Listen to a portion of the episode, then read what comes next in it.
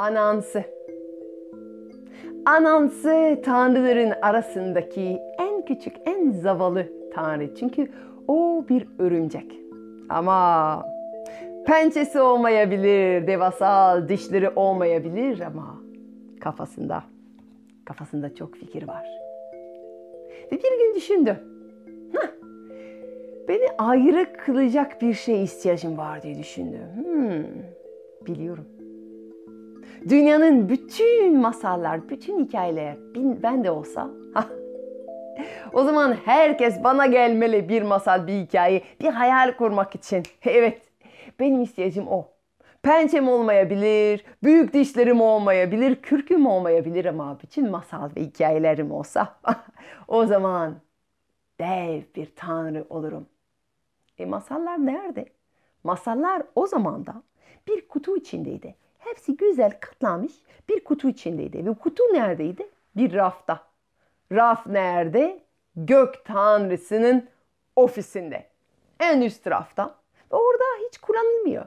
Gök tanrı masal anlatmıyor. Sadece onları arkasında tutuyor. Çünkü masallar, hikayeler çok güçlü. E, bizim anansı ipin üstünde gitti. Gök tanrıyı görmeye. Vardı gök tanrının ofisinde Gök Tanrı yukarıdan böyle baktı. Bizim anansı e, merhaba dedi. E, tabii ki Gök Tanrı'nın önünde insanlar biraz küçük ve ezik hissediyor. Ne istiyorsun benden? E, acaba acaba siz, sizi soracaktım da e, arkanızda en üst tarafta duran kullanılmayan toz toplayan bu kutucuk Sizden istesem benden benden ne istersiniz onun karşısında? Gök Tanrı gök gürültüsü gibi yankılayan sesiyle dedi ki aha anansı o kutuyu istiyorsan. Ha, onun bedeli sana gök yüksek olduğu kadar yüksek olur. O kutucuk istiyorsan bana obo. Kocaman yılanı getireceksin. Bana leopard getireceksin. O kutucuk istiyorsan. Bana iğneleri ateş gibi yakan bütün arıları getireceksin. Nancy baktı dedi ki bu mu? Bu kadarcık mı? Yani bir yılan, bir leopard bir de bir takım arılar mı istiyorsunuz? Peki dedi. Getiririm. Ve indi ipin üstünde. Gök Tanrı biraz şaşırdı ama bir örümcek bu üç tanrıları nasıl getirecekti? Hemen işi konuldu. Kondu Anansi. İlk yaptığı şey sırtında kocaman bir kocaman bir sopa almak. Ve ormanda gezmeye başladı. Tabii ki yılanın olduğu yerde. Kendi kendine konuşuyor. Ben ona söyledim yılan uzun. Ha, inanmıyor, dinlemiyor, inanmıyor, dinlemiyor. Ha yok, anansı söylemişse kesin yalandır. Anansı söylemişse kesin yanlıştır. Ya bildiğim bir şey var söylüyorsam bildiğim bir şey var. Ben o boy yılanı çok uzun diyorsam çok uzundur. Derken ismini duyan yılan kulağı kapardı geldi Yine anansı sen ne diye böyle konuşuyorsun kendi kendine? Ne diyorsun bakayım? Aa dedi ya kusura bakma. Duymasaydın daha iyi olurdu. Utanç utanç inan. Ya, ya evdeydim. Karıma söyledim. Tabii ki o bu yılanın bu tuttuğum sopadan uzun dedim. Ama o ne desin beğenirsin. Yok kimse bu yılan bu yılan kesinlikle bu sopa kadar değil ya. Biliyorum sen uzun olduğunu biliyorum. Ama dinlemiyor. Beni dinlemiyor. Ne yapacağım? Ha. Bu konu çok ciddi aldı. Yani sonuçta ormanda böyle insanlar dolaşa dolaşa onun kısa boylu olduğunu söylemesini istemezdi. O yüzden hemen Anantı'ya yardım etmek istedi. Ama sopanın yanında bir türlü uzanamıyordu. Kıvrık kıvrık kıvrık yılan tam boyunu gösteremiyordu. O yüzden anansı tam boyunu ölçmek için, ona yardım etmek için onu sopanın farklı yerlerde güzelce iple bağladı. Ha, bitince gerçekten yılan sopadan bir tık daha uzundu.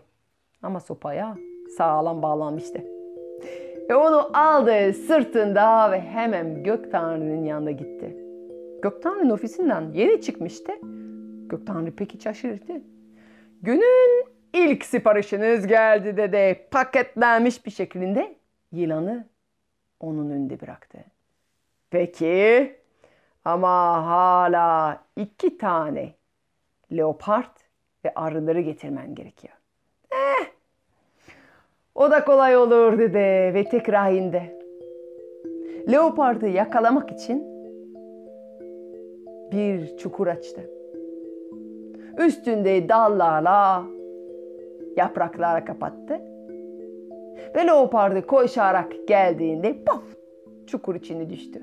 Bizim anansı geldi dedi ki ama sen bir kuyu içine düştün. Kesin insan yapmıştır bunu.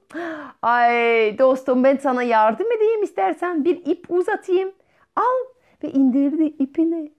Sen kendini bir güzel sar sar sar sar sar kendine orada. Ben çekerim seni.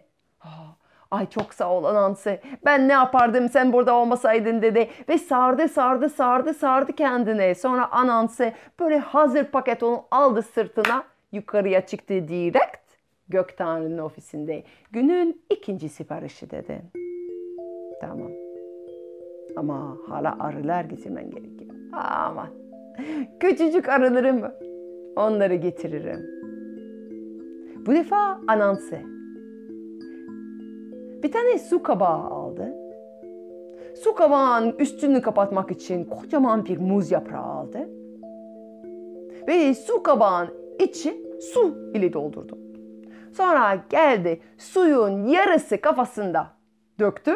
Islak ıslak yarısını da arıların kovasının üstünde. Onlar bzzz diye çıkarken şey dedi. Yağmur geliyor, yağmur geliyor, yağmur geliyor. Çabuk dedi su kabağının içine kaçın. Hemen onlar da teşekkür ederek girdiler. Muz yaprağı ile kapattı. Güzelce iple bağladı. Ve günün üçüncü teslimat Gök Tanrı'ya getirdi. Gök Tanrı pek şaşırmıştı. Yani sonuçta pençesi olmayan, kürkü olmayan, koca dişi olmayan bu örümcekten pek bir beklentisi yoktu ama demek ki kafasında olan bu da güçlü bir silahtı. Peki dedi, senin o ve indirdi. İçine güzel katlanmış bütün masallar duran kutuyu verdi anansı. Anansı sadece azıcık kapağı açtı. Orada onları görebiliyordu. Uf. Oh, oh, ne güzellerdi. İnsanlar ona geleceklerdi. Akıl için, hikaye için, masal için, hayal kurmak için. Ay evet, evet işte onun pençeleri bu olacaktı. İşte onun gücü bu olacaktı. Ama hemen kapağı kapattı. Onları kimseye vermemeli gerekiyordu. Kimse bunları görmemeliydi. Ondan almaya çalışan biri olabilirdi. Onları nasıl koruyacaktı? Düşündü. Bunları saklamam lazım. Ve anansı kutuyu sırtında aldı ve tırmanmaya başladı. Ormandaki en en en yüksek ağacın zirvesinde yerleştirecekti, saklayacaktı masalları. Tırmandı, tırmandı, tırmandı, tırmandı, tırmanırken aşağıda bir tane çocuk geldi. Dedi ki, Ananse Nereye gidiyorsun oraya? Şşt, sana ne? Şşt, konuşma benimle. Tırmanmaya devam et. E anansı. Ne var sırtındaki kutunun içinde? Şşt, sorma bunu. Sorma. Bakma. E anansı. Ben de yukarıya tırmansam da baksam dedi. Anansı bir sinirlendi. Döndü dedi ki bu kutu benim derken kutu sırtından düştü ve düştü. O kadar yüksekten düştü ki düştüğü zaman sadece açıldı değil parçalandı kutu. Ve özgür masallar ve hikayeler hemen havada uçuşarak gittiler. Ve o günden beri derler.